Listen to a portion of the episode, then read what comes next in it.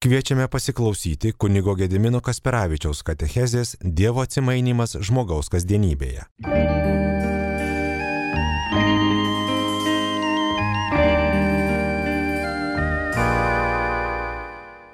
Garbėjai Jėzui Kristui, Marijos radijo klausytojai, su jumis katechezėje kunigas Gediminas, šiandien graži bažnyčia iškilmi, Kristaus atsimainimo iškilmi, kuomet žvelgiu į tris tuos vyrus - Petrą, Jokūbą ir Joną. Galvoju, kokią jie didžiulę, didžiulę Dievo patirtį turėjo, kaip Dievas apdovanojo juos, kad galėjo pamatyti tai, kas nuo kitų akių buvo paslėpta. Kokia malonė, kai Dievas atveria akis, kokia malonė, kai Dievas atveria ausis, kokia malonė, kai Dievas leidžia paragauti to, kas mūsų dar tik laukia.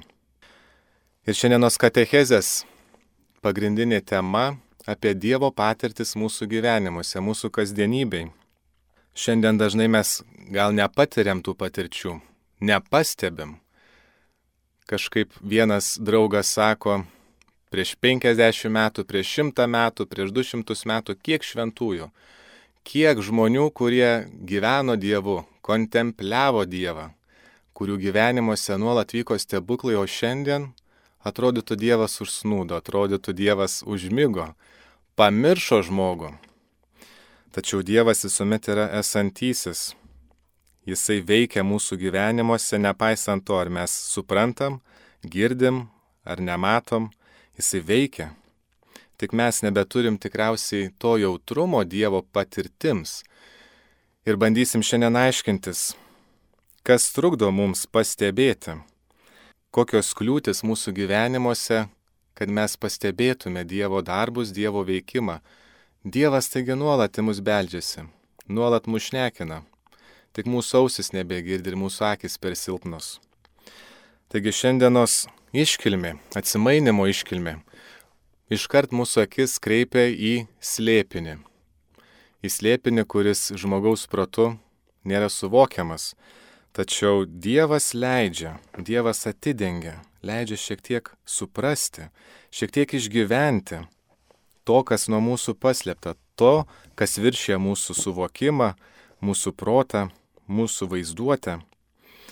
Slėpinys Atsimainimas taip pat ir Dievo apsireiškimas, Dievo atsiskleidimas, Dievo patyrimas ir jo prisilietimas. Petras, Jokūbas ir Jonas pamato, atsiveria akis, jie gauna dovaną patirti, jie gauna prisilietimą, pačio Dievo prisilietimą. Atsimainimas tai tarytum taip pat ir Dievo įsiveržimas į žmogaus gyvenimą. Kuomet plyšta dangus, plyšta dabartis, plyšta mūsų pilka kasdienybė ir Dievas ateina su savo visa galybė, savo stebuklingų veikimu, savo nesuvokiamu buvimu ir savo didžiulę meilę. Tačiau, kaip sakiau, šiandien žmogus toks šiek tiek yra atbukęs. Ne visi supranta, kad mūsų gyvenimuose tam tikri natūralūs dalykai netgi savaime suprantami irgi yra Dievo įsiveržimas į mūsų gyvenimą. Kad Dievas per kasdienius dalykus, per mažiausias smulkmenas kalbina mus, apdovanoja mus, liečiam, prisiliečia prie mūsų.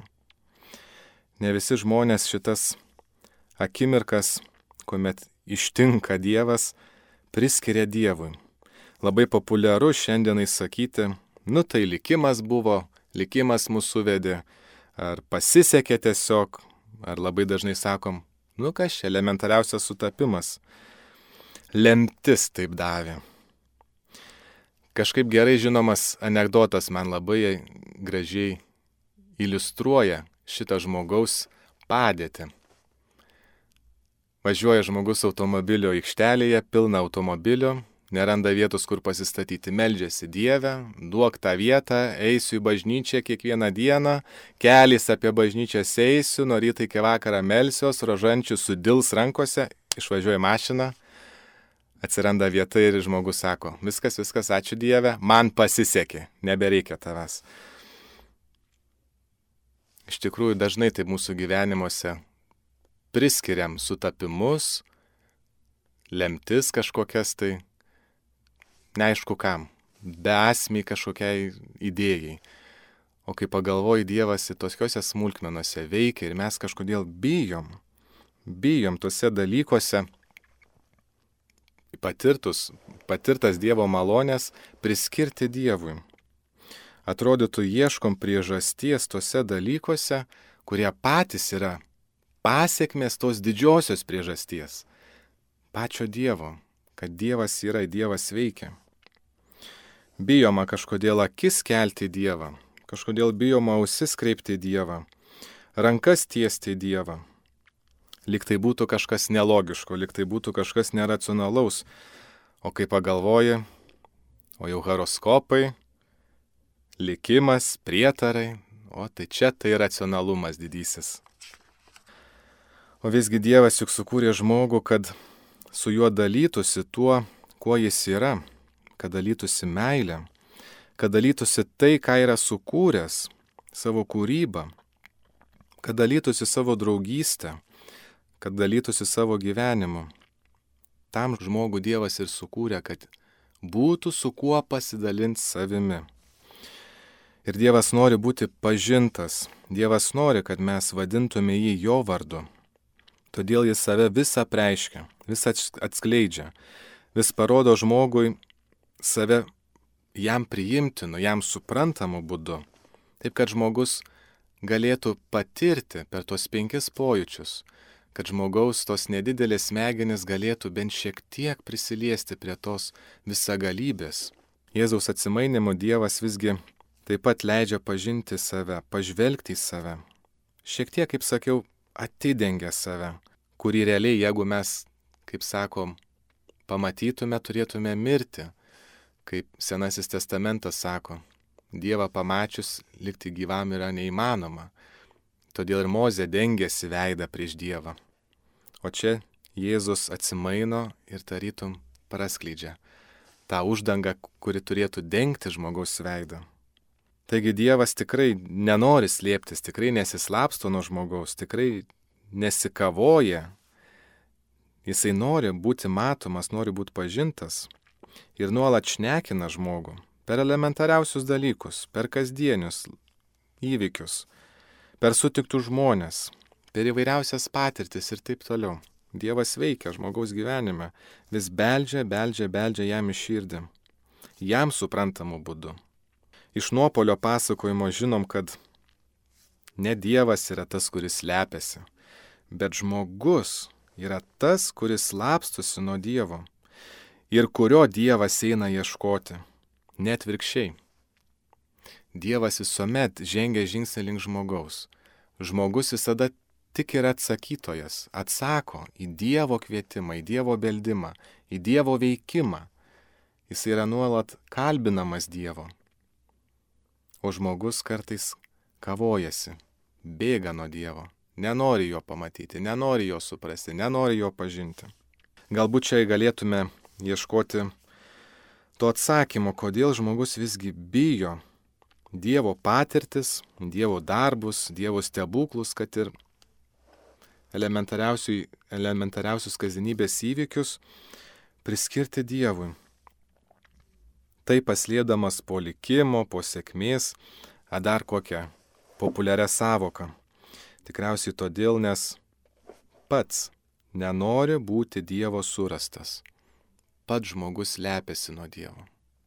O Dievas nepavarksta kalbinės, nepavarksta beldės žmogaus širdį. Kiekvieną akimirką. Ir Jėzus Petrą, Jokūbą ir Joną kalbina. Sako, ateikit, ateikit, ateikit. Žiūrėkit, ką parodysiu. Nu ir kai parodo, tai dovanoja tokią akimirką, tokią malonę, dangaus gabalėlį, tokią patirtį. Leidžia dangaus paragauti, kuomet dinksta ir laikas, dinksta ir erdvė, dinksta ir suvokimas, ir protas išsijungia. Petras taigi sako, nesuvokė, ką pats kalbas, ką pats sakas.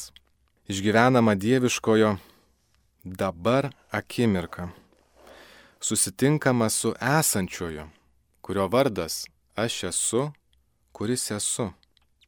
Ne vakar buvusiu, ar rytoj būsimu, esamu, čia ir dabar. Galbūt tai dar galėtų būti viena iš priežasčių, kodėl šiandienis žmogus aklas Dievo patirtims, jog nebemokame gyventi dabartimi, planuojam savo gyvenimą tūkstančių metų į ateitį. Ar ne, ar grįžtam visi praeitį, į savo prisiminimus, graužiamės dėl jos. O dabartį kažkaip peršokame. O juk tai, kas yra tikra ir ką realiai turim, tai dabartis. Tik dabartį turim. Ateities dar nėra, praeities jau nebėra. O mes kabinamės į tai, ko nebėra, pamirždami tai, ką turim yra tik tas dabar, kuriame Dievas yra nuolat esantis, nuolat kūriantis dabartį, nuolat tariantis ir mano vardą. Juk kai pagalvoji, Dievas kuria pasaulį iš nieko. Tai tarytum Dievas žvelgia į ateitį, ima iš to, ko dar nėra, čia ir dabar padaro esamu ir galiausiai viskas nyksta į praeitį, vėl į nebūtį bet kad mes esam, kad mes galim šnekėtis, kad mes galim bendrauti, matyti, gyventi, tai yra tik tai ženklas, kad Dievas nuolat, nuolat, nuolat taria, tebūnie, tebūnie, nuolat kūrė, nuolat ir mano vardą taria, kad aš vis dar ant šitos žemės vaikštų. Ir būtent šitame dabar mes galim sutikti Dievą ir Dievas dabar šnekina mus. Budistai turi, turi tokį pasakojimą. Pasakojimą, jog kuomet karavanai keliaudavo pro šalį ir pamatydavo būdos mokinius, jie stebėdavosi.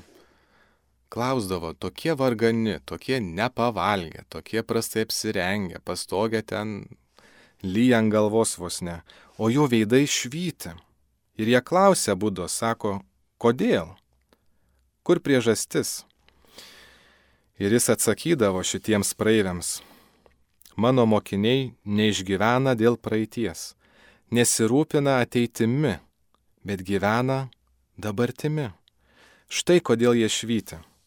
Rūpindamėsi ateitimi, grauždamėsi dėl praeities, paiki žmonės džiūsta, kaip nukirstos žalios nendrės, padžiautos saulėje. Ir musulmonai taip pat turi labai gražų pasakymą Sako, atėjus vakarui, nelauk ryto, o rytą nelauk vakaro.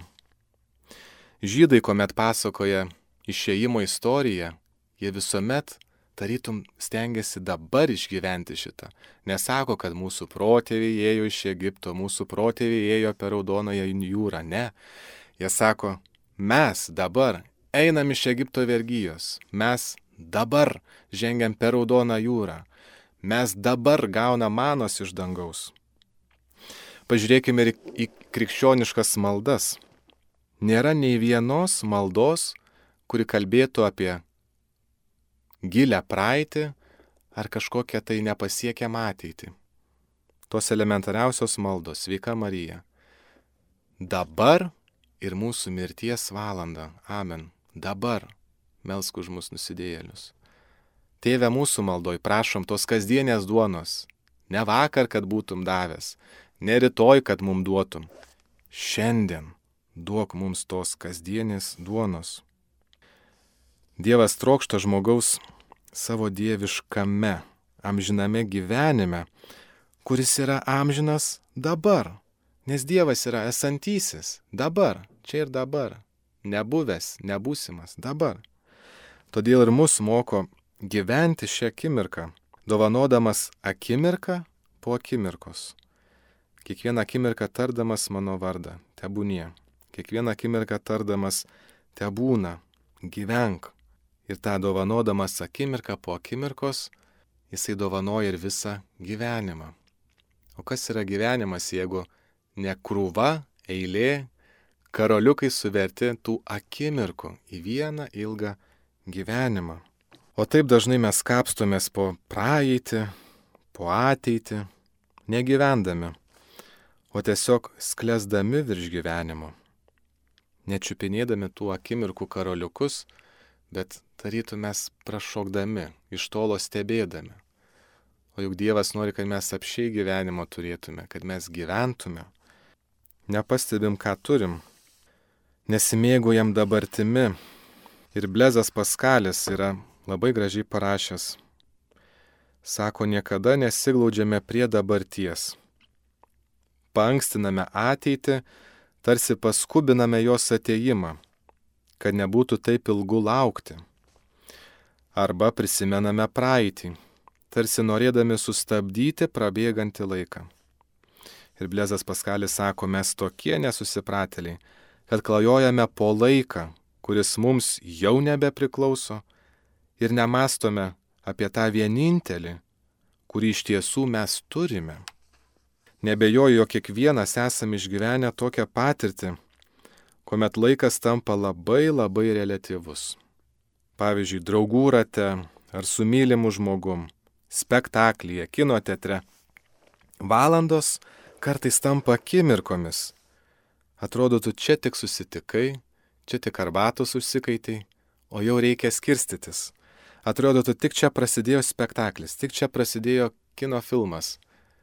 Ir žiūrėk, jau baigėsi, nejaugi viskas? Aš tokias akimirkas vadinu dangaus paragavimu. Kodėl dangaus? Nes danguje būtent nėra laiko savokos, o egzistuoja tik nesibaigianti dabartis.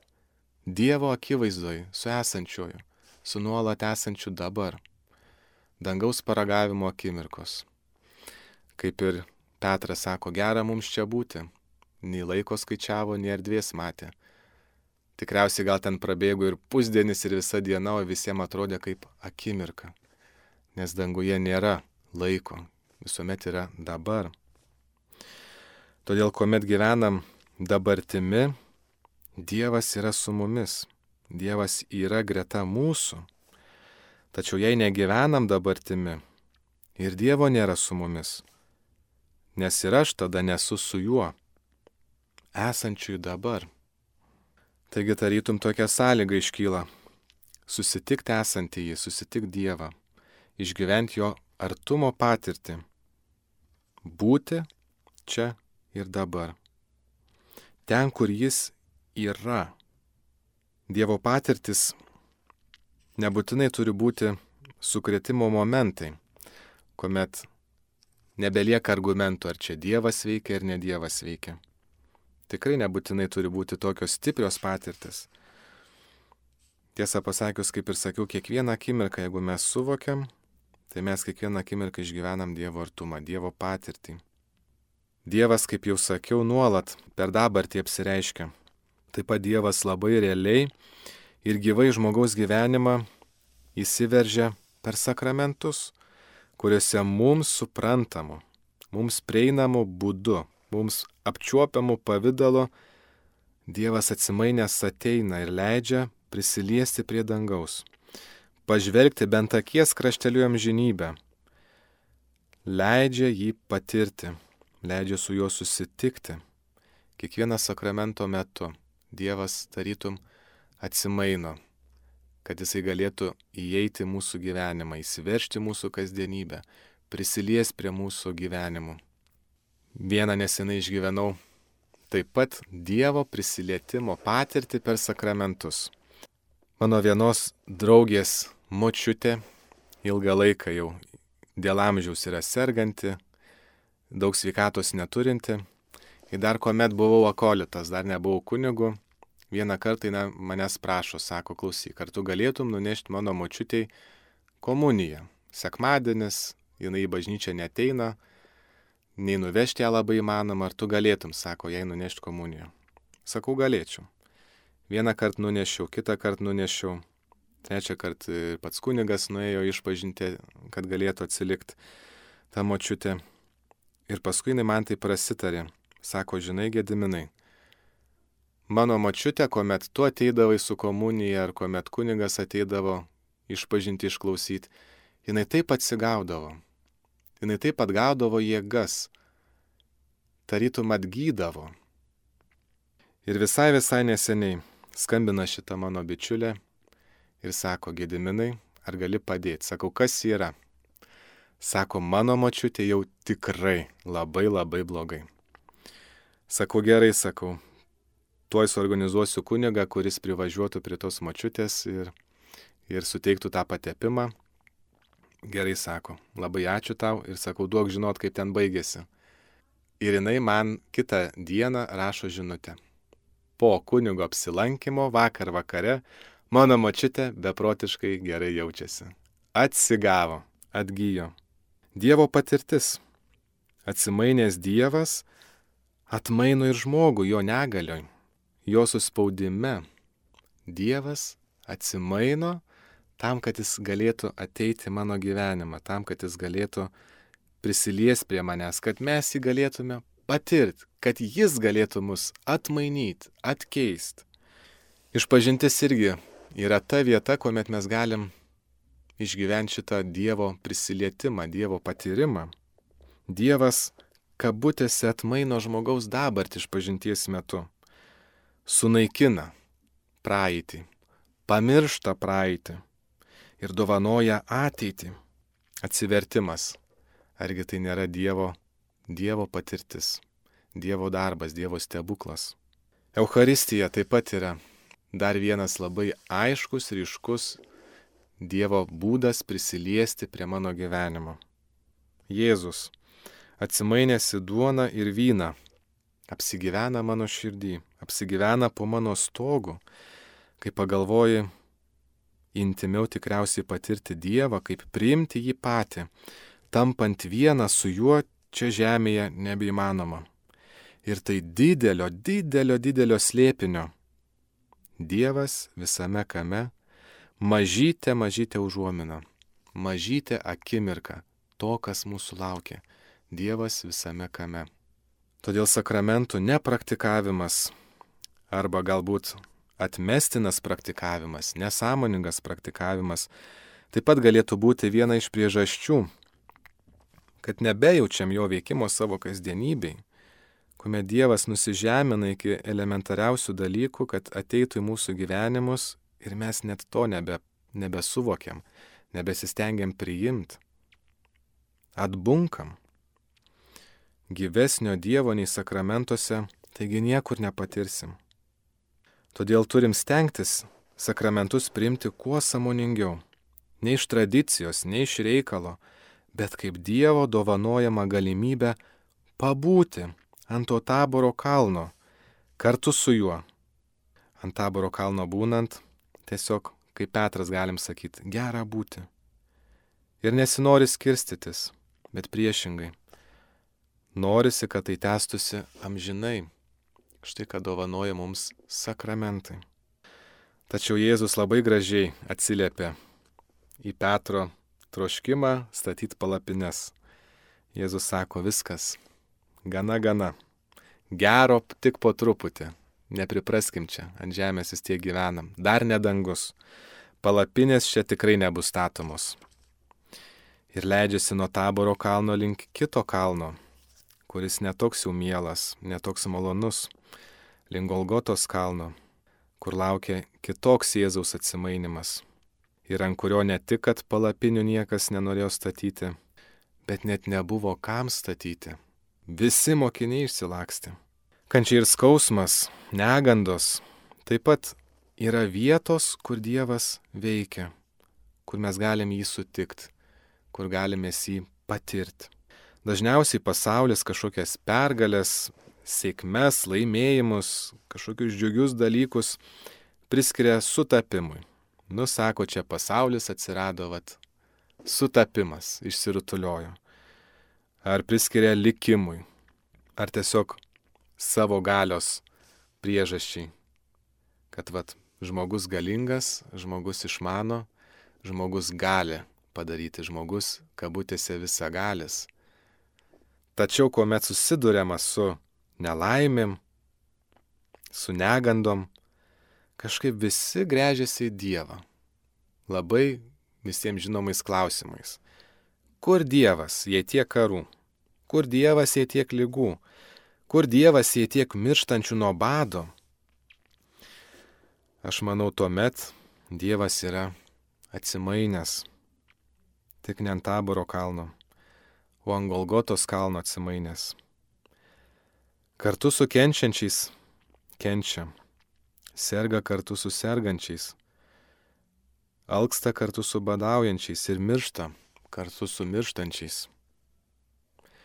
Bet galiausiai prisikelia tam, kad dabar mes su juo galėtume prisikelti. Jėzaus atsimainimas ant taboro kalno leidžia mums iš anksto paragauti Kristaus to būsimo garbingo ateimo, kuomet mūsų tas vargingas, silpnas, nuodėmingas kūnas bus atmainytas, padarytas panašus į jo garbingąjį kūną. Tos Dievo dovanojamos jo artumo akimirkos duoda tikrumą, kad danguje yra tėvas, kuris mus myli ir mumis rūpinasi, ir kuris žino, ko mes tokojam, bei nei minutės nenuleidžia nuo mūsų akių. Dievas dovanoja tas savo patirtis kiekvieną akimirką tam, kai mums atrodo, kad Dievo nebėra, kai Dievas nusigrėžia nuo mūsų, kad mes būtume sustiprinti, kad būtume tikri, kad Jisai nenuleidžia nuo mūsų akių nei minutės, kad mes nuolat esam jo rankose, jo glėby, jo akivaizdoj, jo dėmesy, kad nesam užmiršti. Tai vad klausimas, kur mes esam pasikavoję. Motinos Teresės iš Kalkutos gyvenimas toks labai galėtų būti iliustruojantis šitą, šitą mintį, kad Dievas savo patirtimi sustiprina mus, mūsų tikėjimą, laikotarpiam, kuomet mes Dievo nebejaučiam. Atrodytų vieną kartą labai gyvai, labai realiai išgirdusi Jėzaus žodžius - trokštų. Ir paskui visą gyvenimą vadovavusi šito žodžiu ir neturėjusi daugiau tokios gilios patirties, Dievo artumo patirties, jinai išbuvo tvirta tikėjime, tvirta tame, ką daro, tos vienos vienintelės patirties kuomet paragauji dangų, tu negali užmiršti to skonį. Kuomet paragauji dangaus, tu trokšči jo dar labiau, nesvarbu, kad reikės laukti metus, 10, 20, 50, visą gyvenimą. Bet jeigu paragauji, jeigu patiri, jeigu susitinki, gali išbūti, išlaukti iki to galutinio susitikimo su juo. Šviesdami atsimainimo iškilmę nepamirškim, jog Dievas trokšta neslėptis, bet kaip tik atsiskleisti žmogui. Dievas trokšta draugauti su žmogum. Jį kalbina kiekvieną akimirką, kiekvieną dabar. Tik mes ne visuomet girdim jo balsą, ne visuomet pastebim jo darbus, jo stebuklus, kažkur kapstydamėsi, kažkuo rūpindamėsi tuo, ko mažiausiai reikia. Kristus atsimaino, kad sustiprintų mokinių tikėjimą jo būsimos kančios akivaizdoj. Dievo dovanojamas jo artumo patirtis te būna paguoda, kuomet mums atrodo, jog Dievas nusigrėžia, Dievas mus apleidžia. Grįžkime tas patirtis, kuomet Dievas realiai buvo mūsų gyvenimuose, realiai veikia. Semkime iš ten stiprybės, semkime iš ten tikrumo. Kristus atsimainimo metu parodo, kas mūsų laukia ir kas slypi už dabarties, už sakramentų, už kančios uždangą. O ten laukia ne kas kita kaip garbės viltis. Tai brangus Marijos radio klausytojai, norisi atsisveikinti, linkint vilties, su viltimi, garbė Jėzui Kristui.